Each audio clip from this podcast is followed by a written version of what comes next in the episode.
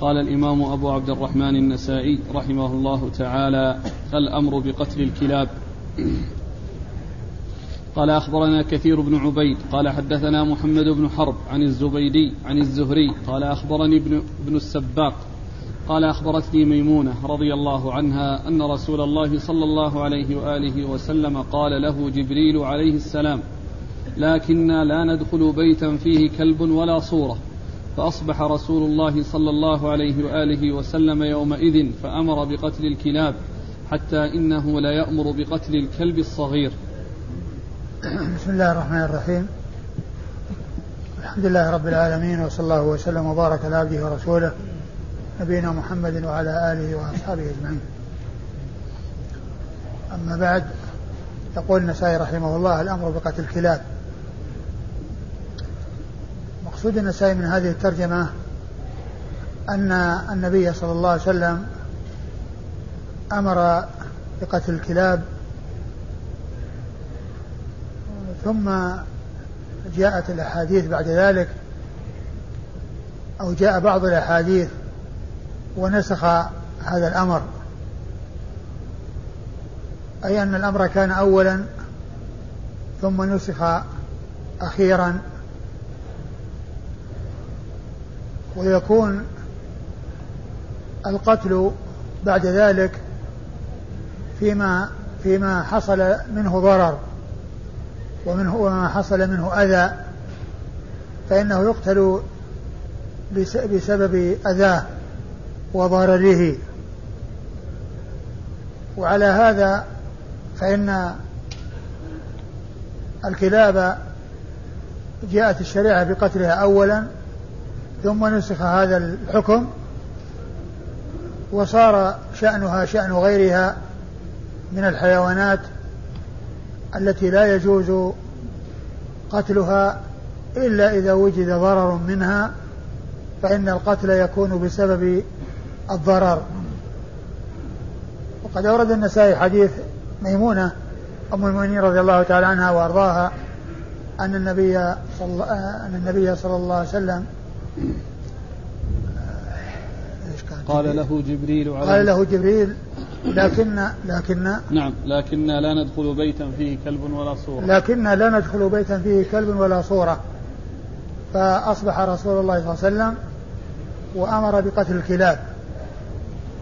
فهذا فيه بيان السبب في قتل الكلاب وأن وأن جبريل كان وعده ليأتي إليه وتأخر عن الوقت الذي كان ينتظره فيه وكان السبب في ذلك أن كلبا كان مختفيا في بيته صلى الله عليه وسلم ولم يأتي جبريل بسبب الكلب. وبعد ذلك لما علم بالكلب وأخرج جاءه جبريل وقال لكننا لا ندخل بيتا فيه كلب ولا صورة. فأصبح رسول الله صلى الله عليه وسلم وأمر بقتل الكلاب. فكانوا يقتلونها حتى الصغير منها فإنهم كانوا يقتلونه. لكن هذا الحكم الذي جاء في الحديث قد نسخ كما جاء في بعض الأحاديث في صحيح مسلم وفي غيره حيث قال ثم نهى رسول الله صلى الله عليه وسلم عن قتل الكلاب ثم نهى رسول الله صلى الله عليه وسلم عن قتل الكلاب أي فيكون الحكم أخيرا هو عدم جواز قتلها إلا إذا وجد ضرر من شيء منها فإنه يقتل بسبب الضرر وبسبب الأذى الذي حصل منه. قال أخبرنا كثير بن عبيد. أخبرنا كثير بن عبيد الحمصي وهو ثقة أخرج حديثه أبو داود النسائي. وابن ماجه. أبو داود النسائي وابن ماجه. عن محمد, عن محمد بن, بن حرب الحمصي وهو ثقة أخرج له أصحاب الكتب الستة. عن الزبيدي. عن الزبيدي وهو محمد بن الوليد الزبيدي الحمصي وهو ثقة أخرج له أصحاب الكتب الستة إلا الترمذي. عن الزهري. عن الزهري ومحمد بن مسلم بن عبيد الله بن شهاب الزهري. ثقة فقيه أخرج له أصحاب الكتب الستة. عن ابن ابن السباق. عن ابن السباق وهو عبيد ابن السباق. ثقة أخرج له أصحاب الكتب الستة. عن ميمونة بنت الحارث الهلالية أم المؤمنين رضي الله تعالى عنها وأرضاها وحديثها أخرجه أصحاب الكتب الستة. قال أخبرنا قتيبة قتيبة بن سعيد عن مالك عن نافع عن ابن عمر رضي الله عنهما أن رسول الله صلى الله عليه وآله وسلم أمر بقتل الكلاب غير ما استثنى منها. ثم أورد النسائي آه، حديث عبد الله بن عمر رضي الله تعالى عنهما أن النبي صلى الله عليه وسلم أمر بقتل الكلاب إلا ما استثني منها. والمقصود بالذي استثني منها ما جاء في بعض الأحاديث آه، كلب الماشية والصيد والزرع فهذا مستثنى منها. وهذا كان في أول الأمر كما هو معلوم.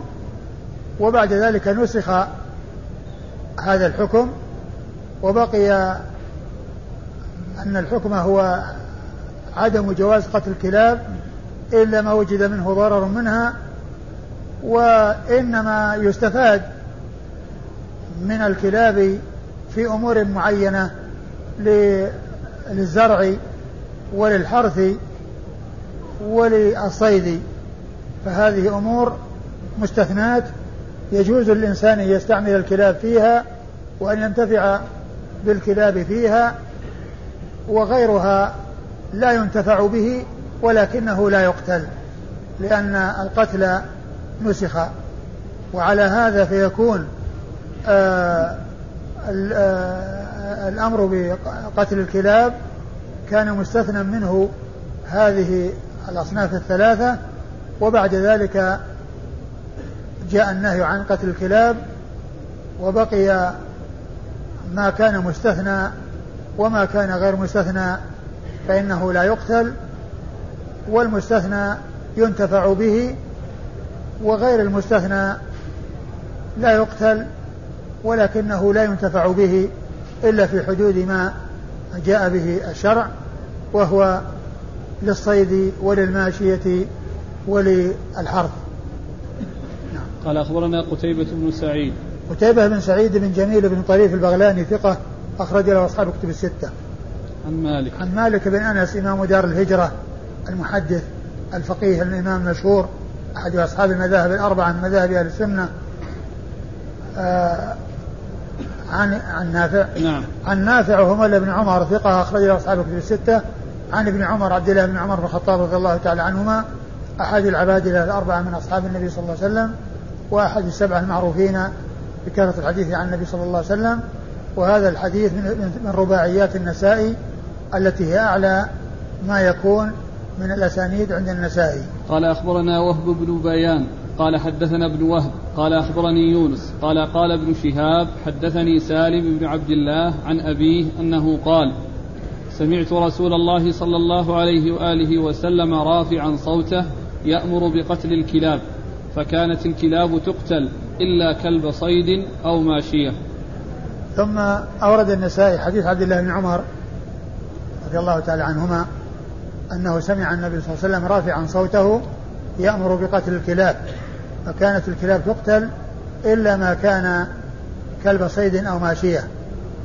وهذا الحديث فيه تفصيل لما أجمل في الرواية السابقة لأنه ذكر المستثنى منها وهو الكلب الذي يكون للصيد وللماشية وجاء عن عبد الله بن عمر في بعض الأحاديث أنه روى عن أبي هريرة رضي الله عنه إضافة إضافة آه كلب الحرث أو آه الانتفاع بالكلب بالحرث. فيكون الذي سمعه من رسول الله صلى الله عليه وسلم ما يتعلق بالصيد والماشية وما يتعلق بالحرث سمعه من أبي هريرة كما سيأتي منصوصا عليه حيث قال وقال أبو هريرة والحرث أو الزرع نعم. قال أخبرنا وهب بن بيان. وهب بن بيان ثقة أخرج حديث أبو داود النسائي. عن ابن وهب. عن ابن وهب عبد الله بن وهب المصري ثقة فقيه أخرج له أصحاب الكتب الستة. عن يونس. عن يونس بن يزيد الأيلي ثم المصري وهو ثقة أخرج له أصحاب الكتب الستة. عن ابن شهاب عن سالم. عن ابن شهاب عن قد مر ذكره سالم هو ابن عبد الله بن عمر بن الخطاب وهو أحد وهو أحد السبعة أحد فقهاء المدينة السبعة ال ال على أحد الأقوال الثلاثة في السابع منهم. وحديث أخرج أصحاب كتب الستة. عن أبيه عبد الله بن عمر وقد مر ذكره. قال أخبرنا قتيبة قال حدثنا حماد عن عمرو عن ابن عمر رضي الله عنهما أن رسول الله صلى الله عليه وآله وسلم أمر بقتل الكلاب إلا كلب صيد أو كلب ماشية. ثم ورد النسائي حديث عبد الله بن عمر من طريق أخرى وهو مثل الطريقة السابقة التي قبلها. فيه ذكر الأمر بقتل الكلاب واستثنى كلب الصيد والماشية. قال أخبرنا قتيبة عن حماد. قتيبة هو ابن سعيد مر ذكره وحماد هو بن زيد من درهم ثقة أخرج له أصحاب الكتب الستة. وإذا جاء قتيبة يروي عن حماد فالمراد به ابن ابن زيد. عن عمرو. عن عمرو وهو ابن ابن دينار المكي ثقة أخرج أصحاب الكتب الستة. عن ابن عمر. عن ابن عمر وقد مر ذكره. قال رحمه الله تعالى صفة الكلاب التي أمر بقتلها. قال أخبرنا عمران بن موسى قال حدثنا يزيد بن زريع قال حدثنا يونس عن الحسن عن عبد الله بن مغفل رضي الله عنه أنه قال قال رسول الله صلى الله عليه وآله وسلم لولا أن الكلاب أمة من الأمم لأمرت بقتلها فاقتلوا منها الأسود البهيم وأيما قوم اتخذوا كلبا ليس بكلب حرث أو صيد أو ماشية فإنه ينقص من أجره كل يوم قيراط ثم ورد النسائي هذه الترجمة وهي صفة الكلاب التي أمر بقتلها. صفة الكلاب التي أمر بقتلها. آه، آه، معلوم أن الكلاب التي أمر, أمر بقتلها كل كلب بدون استثناء إلا ما استعمل للصيد وللماشية وللحرث كما جاء في حديث عبد الله بن عمر وأبي هريرة رضي الله تعالى عنهما. و وكما يعني مر في بعض الأحاديث أنهم كانوا يأمرون كانوا يقتلون الكلاب حتى الكلب الصغير. حتى أنه جاء في بعض الأحاديث أن المرأة من أهل البادية إذا جاءت ومعها كلبها قتلوه. إذا جاءت ومعها كلبها من البادية قتلوه. وهو قتل للكلاب مطلقا. لكن الذي جاء يعني في الحديث الذي أورده النسائي هذه الترجمة هو قتل الأسود البهيم. قتل الأسود البهيم. وعلى هذا فيكون القتل إنما هو يكون في نوع من الكلاب. في نوع من الكلاب. والحديث الذي جاء فيه النهي عن قتل الكلاب وجاء جاء فيه ذكر قتل الكلب الأسود البهيم. و إيش بعده؟ وأيما قوم نعم. اتخذوا كلبا أيوة وأيما قوم اتخذوا كلبا ليس بكلب حرث أو صيد أو ماشية فإنه ينقص من أجره كل يوم قيراط ثم أورد هذه ثم في هذا الحديث هذه الجملة أيما قوم اتخذوا كلبا ليس كلب صيد أو ماشية أو حرث إلا نقص من أجر من عمله من عمله كل يوم قيراط من أجره. من أجره. نعم. من أجره كل يوم قيراط يعني من اتخذ كلبا ليس للأغراض الثلاثة التي جاءت مستثنات في بعض الأحاديث فإنه يأثم بذلك ويترتب على ذلك أن ينقص من أجره كل يوم قيراط ينقص من أجره كل يوم قيراط عقوبة له على اتخاذه الكلاب في غير ما أذن فيه. ومعنى هذا أن اتخاذ الكلاب لغير الأغراض الثلاثة التي جاءت في الأحاديث سبب يكون سببا في إنقاص الأجر وحرمان الإنسان من ثواب بعض الأجور حيث آه، ينقص ذلك منه. والقيراط هو مقدار محدد. الله تعالى أعلم به. نعم.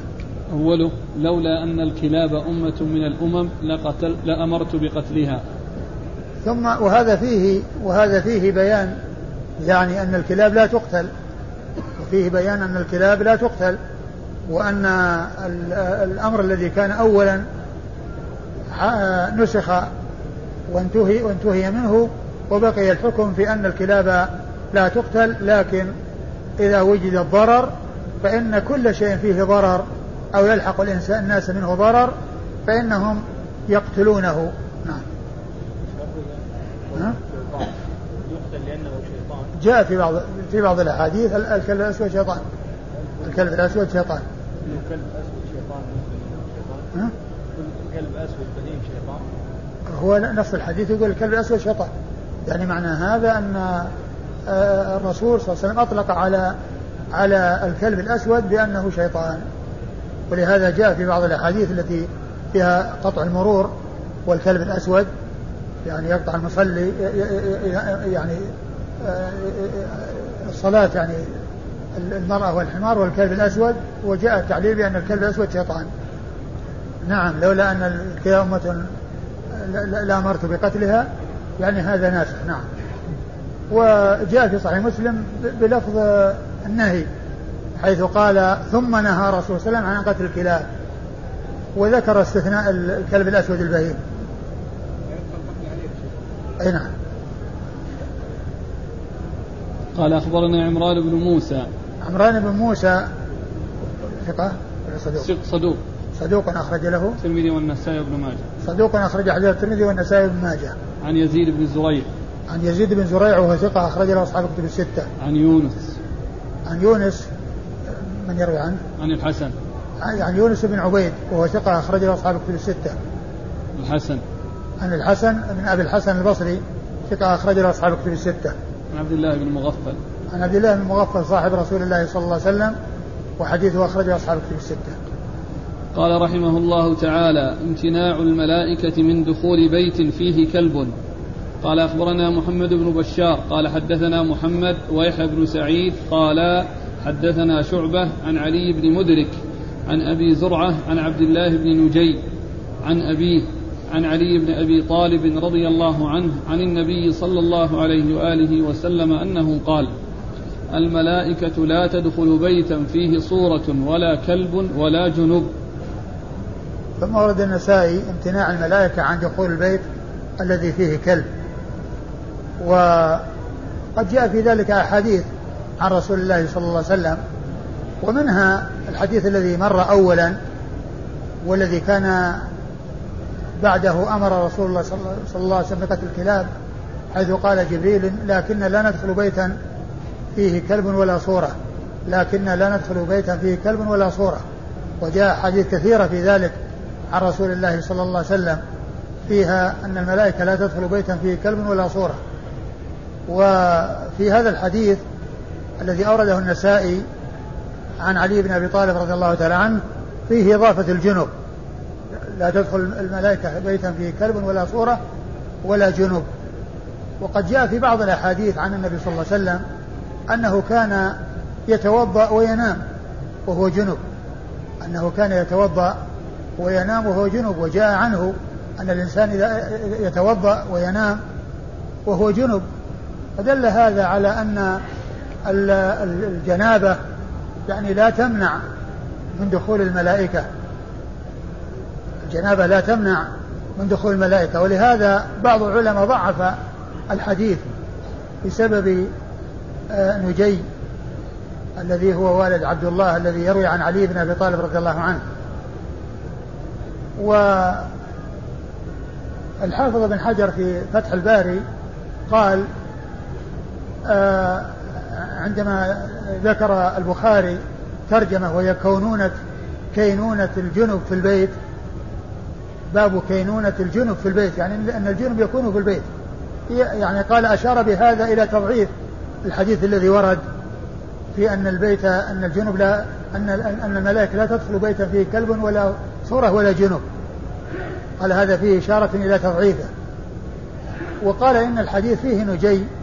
هذا وقال إنه لم يروي عنه إلا ابنه عبد الله وهو مجهول لكن يقول صحح لكن وثقه العجلي وصحح حديثه ابن حبان والحاكم. فأشار إلى حمل الحديث الذي فيه النهي على ما إذا كان متهاونا يعني في الجنابة لا يبالي بها وتمضي الأوقات يعني وهو غير متخلص من الجنابة. غير مكترث بها فهذا هو الذي تمتنع الملائكة من دخول البيت. أما إذا توضأ ونام وهو جنب فإنه آه، فإن النبي صلى الله عليه وسلم كان يفعل ذلك. ولا تمتنع الملائكة من دخول البيت الذي فيه جنب يعني في الجملة. وإنما إذا قيل بصحة الحديث أو بثبوت الحديث فإنه يحمل على من يكون متهاونا في أمر الجنابة يعني يؤخرها من غير أمر يقتضي التأخير أو أنه لا يتوضأ الوضوء الذي به يزيل ما علق بفرجه من يعني آثار الجماع فيكون آه، بذلك مخففا الجنابة وإن لم تذهب الجنابة حتى يتم الاغتسال.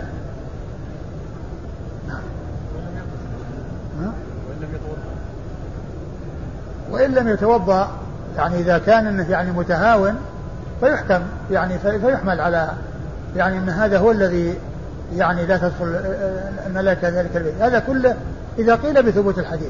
أما مع القول بأن الحديث ضعيف فإن وجوده كعدمه. قال أخبرنا محمد بن بشار. أخبر محمد بن بشار هو الملقب من نار البصري ثقة أخرج له أصحاب كتب الستة. عن محمد. عن محمد هو بن جعفر الملقب غندر ثقة أخرج له أصحاب كتب الستة. ويحيى بن سعيد. ويحيى بن سعيد أيضا هو القطان ثقة أخرج له أصحاب كتب الستة. عن شعبة. عن شعبة بالحجاج الواسطي ثم البصري ثقة أخرج له أصحاب كتب الستة. عن علي بن مدرك. عن علي بن مدرك وهو ثقة أخرج له أصحاب كتب الستة. عن أبي زرعة. عن أبي زرعة بن عمرو بن جرير. وهو ثقة أخرج له أصحاب كتب الستة. عن عبد الله بن نجي نجي. عن عبد الله بن ابن ابن نجي وهو صدوق أخرج حديثه. أبو داود والنسائي بن ماجه. أبو داود والنسائي بن ماجه. عن أبيه. عن أبيه نجي وهو مقبول أخرج حديثه أبو داود والنسائي وابن ماجه. وقال عنه في في قال عنه في في الفتح أنه مجهول مجهول أنه مجهول عن علي. وقال إلا أن العجلي وثقه وصحح حديث ابن حبان والحاكم ثم أشار إلى التوفيق بين ما جاء في الحديث وبين ما جاء في آه، حديث آه، كون النبي صلى الله عليه وسلم يكون جنبا ويطوف على نسائه يعني وعليه الجنابة. عن علي بن أبي طالب. عن علي بن أبي طالب أمير المؤمنين ورابع الخلفاء الراشدين رضي الله تعالى عنه وأرضاه وحديثه أخرجه أصحاب الكتب الستة.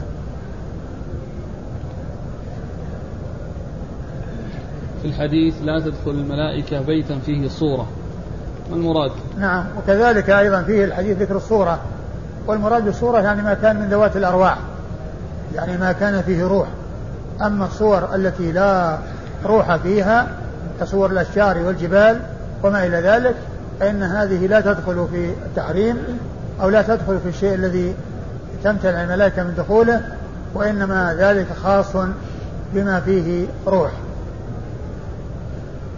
الصورة الشمسية الصورة الشمسية هي من هي صورة قال ولكن يستثنى من ذلك ما كان مضطرا إليه كالجواز ورخصة القيادة وحفيظة النفوس وما إلى ذلك. بعض الكتب أو المجلات تكون فيها صورة ومغلقة يعني ما هي منشورة في البيت. مغلقة توضع في دولاب في درج. فهل تكون مانعا والله هذه من هذه من الأمور التي عمت بها البلوى والتي يعني لا يكاد يحترز منها إلا ما شاء الله. فيعني أقول هذا مما عمت به البلوى. و يعني في هذا الزمان يعني يعني يندر أن يكون يعني يعني بيت ما فيه يعني صورة من هذا القبيل. الإنسان يعني يتحرز ما استطاع و ولعل الله عز وجل أن يعفو ويتسامح. قال أخبرنا قتيبة وإسحاق بن منصور عن سفيان عن الزهري عن عبيد الله بن عبد الله عن ابن عباس عن أبي طلحة رضي الله عنهم أنه قال قال رسول الله صلى الله عليه وآله وسلم لا تدخل الملائكة بيتا فيه كلب ولا صورة. ثم ورد النسائي حديث أبي طلحة الأنصاري سهل بن زيد رضي الله تعالى عنه زيد بن سهل رضي الله تعالى عنه أن النبي صلى الله عليه وسلم قال لا تدخل الملائكة بيتا فيه كلب ولا صورة. نعم الإسناد قال أخبرنا قتيبة وإسحاق بن منصور. قتيبة مر ذكره إسحاق بن منصور هو الكوسج هو ثقة أخرج حديث أصحاب الكتب الستة إلا أبا داود. عن سفيان. عن سفيان هو بن عيينة ثقة أخرج أصحاب الكتب الستة. عن الزهري عن عبيد الله بن عبد الله. عن الزهري مر ذكره عبيد الله بن عبد الله بن عتبة بن مسعود. أحد فقهاء المدينة السبعة في عصر التابعين وهو ثقة أخرج حديث أصحاب الكتب الستة. عن ابن عباس. عن, عن ابن عباس. عبد الله بن عباس بن عبد المطلب بن عم النبي صلى الله عليه وسلم وأحد العبادلة الأربعة من الصحابة وأحد السبعة المعروفين بكثرة الحديث عن النبي صلى الله عليه وسلم من أصحابه الكرام رضي الله تعالى عنهم وأرضاهم. عن أبي طلحة. عن أبي طلحة آه، زيد بن سهل الأنصاري رضي الله تعالى عنه وحديثه أخرجه أصحاب الكتب الستة. قال أخبرنا محمد بن خالد بن خلي قال حدثنا بشر بن شعيب عن أبيه عن الزهري قال أخبرني ابن السباق عن ابن عباس رضي الله عنهما أنه قال أخبرتني ميمونة رضي الله عنها زوج النبي صلى الله عليه وآله وسلم أن رسول الله صلى الله عليه وآله وسلم أصبح يوما واجما فقالت له ميمونة أي رسول الله لقد استنكرت هيئتك منذ اليوم فقال إن جبريل عليه السلام كان وعدني أن يلقاني الليلة فلم يلقني. أما والله ما أخلفني. قال فظل يومه كذلك ثم وقع في نفسه جرو كلب تحت نضد لنا فأمر به فأخرج ثم أخذ بيده ماء فنضح به مكانه. فلما أمسى لقيه جبريل عليه السلام فقال له رسول الله صلى الله عليه وآله وسلم قد كنت وعدتني أن تلقاني البارحة. قال أجل ولكنا لا ندخل بيتا فيه كلب ولا صورة. قال فأصبح رسول الله صلى الله عليه وآله وسلم من ذلك اليوم فأمر بقتل الكلاب. ثم ورد النسائي ترجمة. نفس الترجمة. نفس الترجمة. أي. ثم ورد النسائي حديث ميمونة رضي الله تعالى عنها وأرضاها وهو الحديث الذي تقدم مجملا في أول حديث مر بنا اليوم ولكنه جاء جاء مفصلا. وأن ميمونة رضي الله عنها وأرضاها رأت النبي صلى الله عليه وسلم يوما واجما يعني مهموما مغموما متأثرا. أدركت ذلك من هيئته والنظر إليه فسألته فأخبرها أن جبريل كان واعده وأنه لم يأتي ولكنه ما عرف منه أنه كان يتأخر إلا هذه المرة. ثم فكر أو آآ آآ نظر وإذا وفهم أنه ما امتنع إلا لشيء ففتشوا في البيت وإذا جروا كلب تحت نضد لهم فأخرجوه ورشوا مكانه ثم جاء جبريل وأخبره وقال له يعني آه، ما قال ثم قال إن لا ندخل بيتا فيه كلب ولا صورة. فأصبح رسول الله صلى الله عليه وسلم وأمر بقتل الكلاب فأصبح رسول الله صلى الله عليه وسلم وأمر بقتل الكلاب فهذا الحديث مفصل بما أجمل في الرواية السابقة من جهة أن النبي صلى الله عليه وسلم كان يعني تأخر عليه جبريل وكان على موعد معه واغتم لذلك واهتم لذلك. وأدركت ذلك منه ميمونة رضي الله عنها وبعد ذلك فكروا أن أنه كان التأخر لسبب أو لأمر موجود في البيت فبحثوا وإذا جروا كلب تحت السرير أو النضد الذي في بيتهم فأخرجوه ورشوا مكانه وجاء جبريل وأخبر بالسبب وأنه ذلك الكلب الذي كان عندهم وبعد ذلك أصبح رسول الله صلى الله عليه وسلم وأمر بقتل الكلاب. أيوة. قال أخبرنا محمد بن خالد بن خلي محمد بن خالد بن خلي صدوق. نعم. أخرج حديثه النسائي وحده. عن بشر بن شعيب. عن بشر بن شعيب بن أبي حمزة وهو ثقة أخرج حديثه البخاري والنسائي وابن ماجه. والترمذي والنسائي. البخاري والترمذي والنسائي. عن أبيه. عن أبيه شعيب بن أبي حمزة وهو ثقة أخرج له أصحاب الستة. عن الزهري عن ابن السباق عن عبد الله عن ابن عباس عن ميمونة. وقد مر ذكر هؤلاء الأربعة. يعني لإزالة آثار يعني الكلب و يعني وما علق في البيت يعني منه ومن رائحته. نعم. نعم. على كل في أي حالة يكون. الإخوان يسألون عن سبب النضح. هل يدل على النجاسة؟ الكلب لا شك هو نجس لكن ال يعني النضح لا شك إنه بسبب النجاسة. يعني إنه يعني ما سال من لعابه ومن اثاره وما إلى ذلك لا شك. وبسبب النجاسة. لا جسده. نجس. لا مجرد جسده الإنسان إذا لمس جسده ما يقال إنه لمس نجاسة. لكن يعني الآثار التي يعني من رائحته ومن يعني من لعابه أو من يعني يعني إذا كان يعني شيء أيضا من خرج منه المقصود أنه إزالة الآثار الموجودة بسبب وجوده. أما مجرد ال ال جلده ولمس جلده فلا فلا فلا فلا ينجس ما ما ما ما ما, ما ماسه أو الإنسان إذا لمسه لا تنجس يده بسبب اللمس. الله تعالى أعلم لكن يبدو أن أن أن المقصود يعني إزالة ما قد يكون علق بسبب يعني بروكه أو كونه ربض فيه. تقدم الحديث يروي فيه ابن السباق عن ميمونة وهنا بينه وابن عباس. ما في تنافي. يمكن أن يروي بواسطة وبغير واسطة. لأن السائل يقول يحتمل فيه انقطاع. لكن السائل يقول يحتمل فيه انقطاع لكن هناك صرح. صرح بالسماع اي قال أخبرتني ميمونه إيه خلاص. قال رحمه الله تعالى الرخصة في إمساك الكلب للماشية. قال أخبرنا سويد بن نصر بن سويد. قال أخبرنا عبد الله وهو ابن المبارك عن حنظلة. قال سمعت سالما يحدث عن ابن عمر رضي الله عنهما أنه قال قال رسول الله صلى الله عليه وآله وسلم من اقتنى كلبا نقص من أجره كل يوم قيراطان إلا ضاريا أو صاحب ماشية. الترجمة؟ نعم. الرخصة؟ الرخصة في إمساك الكلب للماشية. آه ثم ورد النسائي هذه الترجمة هي الرخصة في إمساك الكلب للماشية. يعني أن الكلب لا ينتفع به إلا في حدود ما استثني ومما استثني الماشية.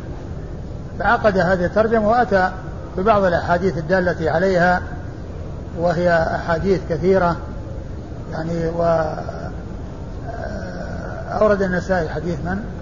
ابن عمر حديث عبد الله بن عمر رضي الله تعالى عنهما أن النبي صلى الله عليه وسلم قال من من اقتنى كلبا نقص من أجره كل يوم قيراطان من اقتنى كلبا نقص من أجره كل يوم قيراطان إلا أن يكون ضاريا؟ إلا ضاريا أو صاحب ماشية. إلا إلا ضاريا أو صاحب ماشية. ضاريا يعني ما كان للصيد.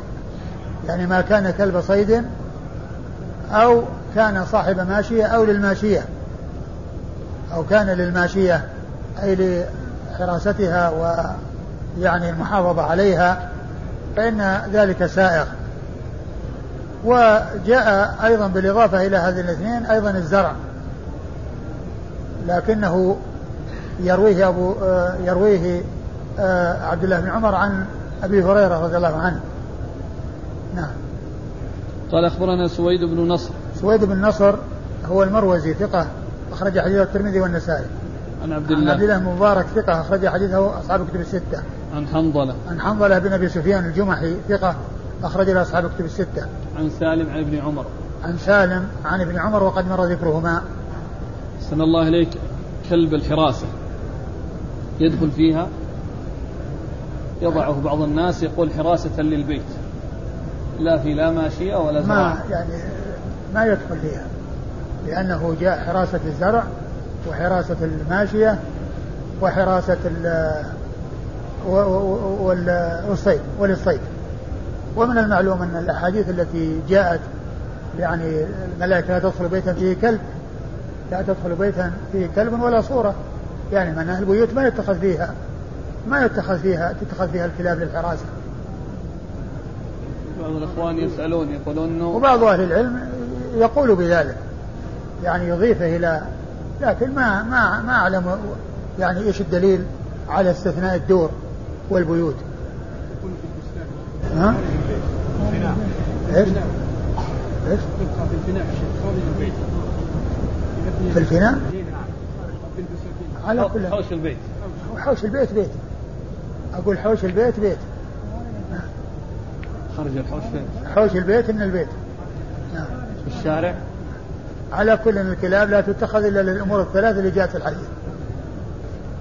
نعم. آه جاء في بعض الأحاديث قيراطان وجاء في بعضها قراط فقيل يعني في ذلك عدة أوجه. منها أن هذا يختلف باختلاف المكان. وقيل باختلاف الزمان. وقيل يعني آه وقيل غير ذلك. المهم أن أن النصوص التي جاءت ويمكن أن يكون أنه ذكر قراط أول ثم ذكر قراطان فيكون القراط الأول داخل في القراط في القراطين.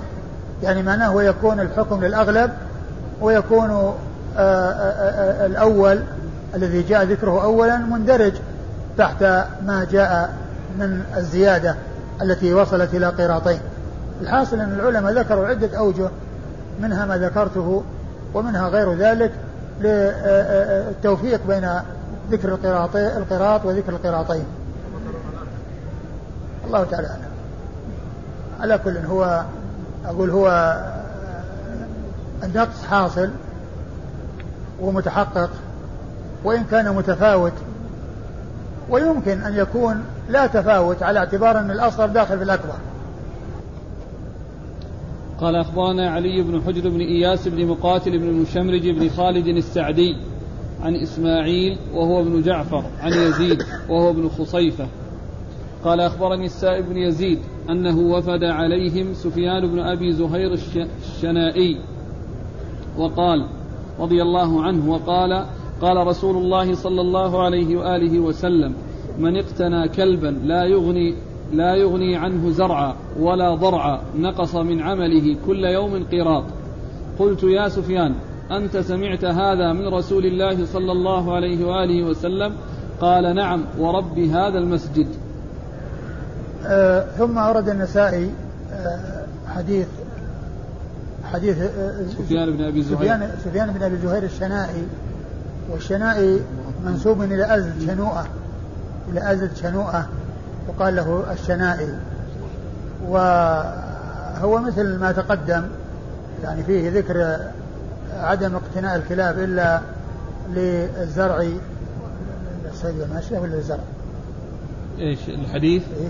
من اقتنى كلبا لا يغني عنه زرعا ولا ضرعا نعم يعني للزرع والماشية الزرع والماشية لأن المقصود الضرع المقصود به الماشية يعني ففيه ذكر الزرع وذكر الماشية يعني أنه إذا كان لغير هذا.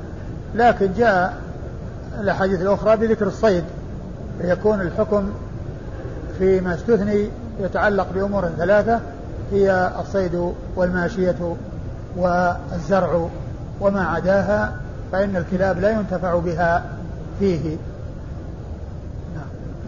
قال أخبرنا علي بن حجر بن إياس بن مقاتل بن مشمرج بن خالد السعدي. في هذا الموضع آه، آه، نسب النسائي شيخه علي بن حجر وأطال في نسبته وذكر يعني آه، جملة من آبائه. وهذا كما عرفنا أن التلميذ يذكر شيخه أحيانا يتوسع في ذكره ويطيل في نسبه وأحيانا يختصر حتى لا يذكر إلا اسمه. حتى لا يذكروا إلا اسمه. والذين يأتون بعده ويريدون أن يوضحوا يأتوا بكلمة يعني أو بكلمة هو. والتلميذ لا يحتاج إلى شيء من ذلك بل إن شاء طول وإن شاء آه، اختصر. وهنا قد أطال في نسبة شيخه علي بن حجر بن إياس السعدي المروزي وهو ثقة أخرج حديث البخاري والترمذي البخاري ومسلم والترمذي والنسائي. عن إسماعيل. إسماعيل هو بن جعفر ثقة أخرج حديث أصحاب الكتب الستة. عن يزيد هو ابن خصيفة. عن يزيد بن خصيفة وهو ثقة أخرج أصحاب الكتب الستة. عن السائب بن يزيد. عن السائب بن يزيد وهو صحابي صغير آه قال حج بي مع رسول الله صلى الله عليه وسلم وأنا ابن سبع سنين وحديثه أخرجه أصحاب الكتب الستة. عن سفيان بن أبي زهير الشنائي. عن سفيان بن أبي زهير الشنائي صاحب رسول الله صلى الله عليه وسلم وحديثه أخرجه البخاري ومسلم والنسائي وابن ماجه. البخاري ومسلم والنسائي وابن ماجه. قلت يا سفيان أنت سمعت هذا من رسول صلى الله عليه وسلم؟ قال نعم وربي نعم هذا. يعني يقول هذا السائب بن يزيد. يعني وهذا يعني كانوا يقولونه من باب التوثق والاحتياط والتأكد وليس شكا يعني منهم في الرواية لكن يأتي أحيانا زيادة التوثق وزيادة الاطمئنان. وليس الشك في صحة ما يقول وإنما هو من زيادة الاطمئنان. قال رحمه الله تعالى باب الرخصة في إمساك الكلب للصيد. قال أخبرنا قتيبة قال حدثنا الليث عن نافع عن ابن عمر رضي الله عنه أنه سمعه يقول إن رسول الله صلى الله عليه وآله وسلم قال من أمسك كلبا إلا كلبا ضاريا أو كلب ماشية نقص من أجره كل يوم قيراطان. ثم ورد النسائي هذه الترجمة وهي الرخصة في إمساك الكلب للصيد وقد أورد النسائي حديث ابن عمر. نعم. حديث ابن عمر وهو مثل ما تقدم من أمسك من اقتنى كلبا إلا أن يكون ضاريا أو أو كلب ماشية. أو كلب ماشية نقص من أجره, من أجره كل يوم قيراطان. نقص من أجره كل يوم قيراطان. نعم. قال أخبرنا قتيبة عن الليث. قتيبة مر ذكره الليث بن سعد المصري ثقة فقيه أخرج له أصحاب الكتب الستة. النافع عن ابن عمر. النافع عن ابن عمر وقد مر ذكرهما. قال أخبرنا عبد الجبار بن العلاء عن سفيان قال حدثنا الزهري عن سالم عن أبيه عن النبي صلى الله عليه وآله وسلم أنه قال من اقتنى كلبا إلا كلب صيد أو ماشية نقص من أجره كل يوم قيراطان ثم ورد النسائي حديث ابن عمر وهو مثل ما تقدم قال أخبرنا عبد الجبار بن العلاء. عبد الجبار بن العلاء صدوق؟ لا بأس به. لا بأس به وهو بمعنى صدوق. أخرج حديثه مسلم والترمذي والنسائي. أخرج حديثه مسلم والترمذي والنسائي. عن سفيان. عن سفيان وهو بن عيينة. عن الزهري عن سالم عن أبيه. وقد مر ذكرهم. قال رحمه الله تعالى باب الرخصة في إمساك الكلب للحرث. قال أخبرنيه محمد بن بشار. قال حدثنا يحيى وابن أبي عدي ومحمد بن جعفر عن عوف عن الحسن عن عبد الله بن مغفل رضي الله عنه عن النبي صلى الله عليه وآله وسلم أنه قال من اتخذ كلبا إلا كلب صيد أو ماشية أو زرع نقص من أجره كل يوم قيراط. ثم ورد النسائي الرخصة في إمساك الكلب للصيد للحرث. للحرث. وأورد في حديث عبد الله بن مغفر رضي الله عنه من اقتنى من اتخذ كلبا من اتخذ كلبا إلا كلب صيد أو ماشية أو حرث نقص من من, من أجره كل يوم قيراط.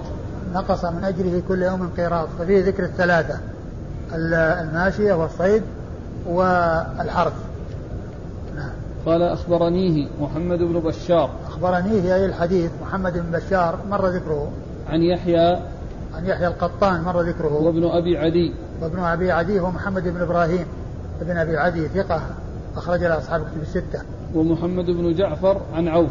محمد بن جعفر مر ذكره وعوف وابن أبي جميلة الأعرابي ثقة أخرج له أصحاب الكتب الستة. عن الحسن عن عبد الله بن المغفل. عن الحسن هو البصري عن عبد الله بن المغفل وقد مر ذكرهما.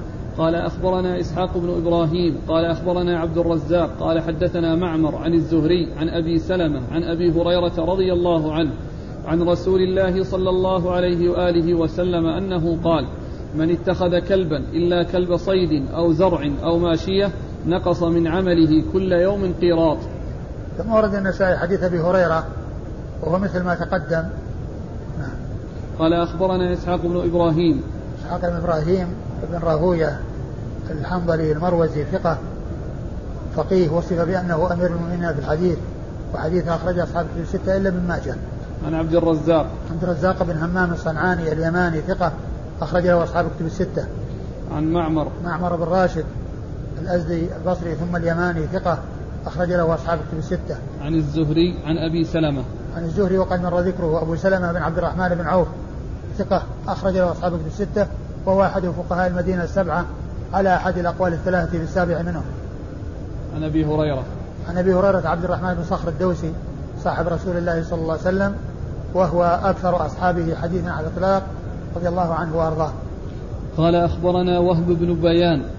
قال حدثنا ابن وهب. قال أخبرني يونس. قال أخبرنا ابن شهاب عن سعيد بن المسيب عن أبي هريرة رضي الله عنه عن رسول الله صلى الله عليه وآله وسلم أنه قال من اقتنى كلبا ليس بكلب صيد ولا ماشية ولا أرض فإنه ينقص من أجره قراطان كل يوم. ثم أورد النسائي حديث أبي هريرة وهو مثل ما تقدم إلا أن فيه التعبير بالأرض يعني بدل الزرع والحرث. قال أخبرنا وهب بن, وهب بن بيان. وهب بن بيان مر ذكره. عن ابن وهب عن يونس عن ابن شهاب عن سعيد بن المسيب. سعيد بن المسيب هو أحد ثقة أحد فقهاء المدينة السبعة في عصر التابعين. أخرج حديث أصحاب الكتب الستة. عن أبي هريرة وقد نعم. مر ذكره. ها؟ ليش؟ مر معنا في الإسناد يونس. هل هو يونس بن يزيد أو يونس بن عبيد؟ وين فيه؟ هذا الإسناد. وش يقول؟ من يروي عن عن عن الزهري؟ ابن وهب عن يونس عن ابن شهاب. هذا ابن اللي يروي عن يونس اللي يروي عن شهاب ويونس بن ابن يزيد. وقد مر ذكره مر نفس الإسناد. إيه. أي نعم. قال أخبرنا علي بن حجر. قال حدثنا إسماعيل يعني بن جعفر. قال حدثنا محمد بن أبي حرملة عن سالم بن عبد الله عن أبيه رضي الله عنه أنه قال قال رسول الله صلى الله عليه وآله وسلم من اقتنى كلبا إلا كلب ماشية أو كلب صيد نقص من عمله كل يوم قيراط قال عبد الله وقال أبو هريرة أو كلب حرث. ثم ورد النسائي حديث ابن عمر رضي الله تعالى عنهما وفيه يعني ذكر ما يتعلق بكلب الصيد والماشي والماشية وقال قال أبو هريرة أو كلب زرع أو حرث. حرث نعم. أو أو أو كلب حرث. نعم. أو كلب حرث يعني أن هذه الزيادة التي متعلقة بالحرث لم يسمعها عبد الله بن عمر من رسول الله صلى الله عليه وسلم ولكنه يرويها عن أبي هريرة رضي الله عنه. وقد مر في حديث أبي هريرة من عدة طرق ومر في حديث أيضا عبد الله بن مغفل أي ذكر الحرث مع الصيد والماشية. قال أخبرنا علي بن حجر عن إسماعيل يعني بن جعفر عن محمد بن أبي حرملة. محمد بن أبي حرملة ثقة أخرج حديث أصحاب الكتب الستة إلا الترمذي؟ لا نعم نعم. لا إلا ابن ماجه. إلا ابن ماجه أصحاب الكتب الستة إلا ابن ماجه. عن سالم عن أبيه. عن سالم عن أبيه وقد مر ذكرهما. قال النهي عن ثمن الكلب. والله تعالى أعلم وصلى الله وسلم وبارك على عبده ورسوله نبينا محمد وعلى آله وأصحابه أجمعين.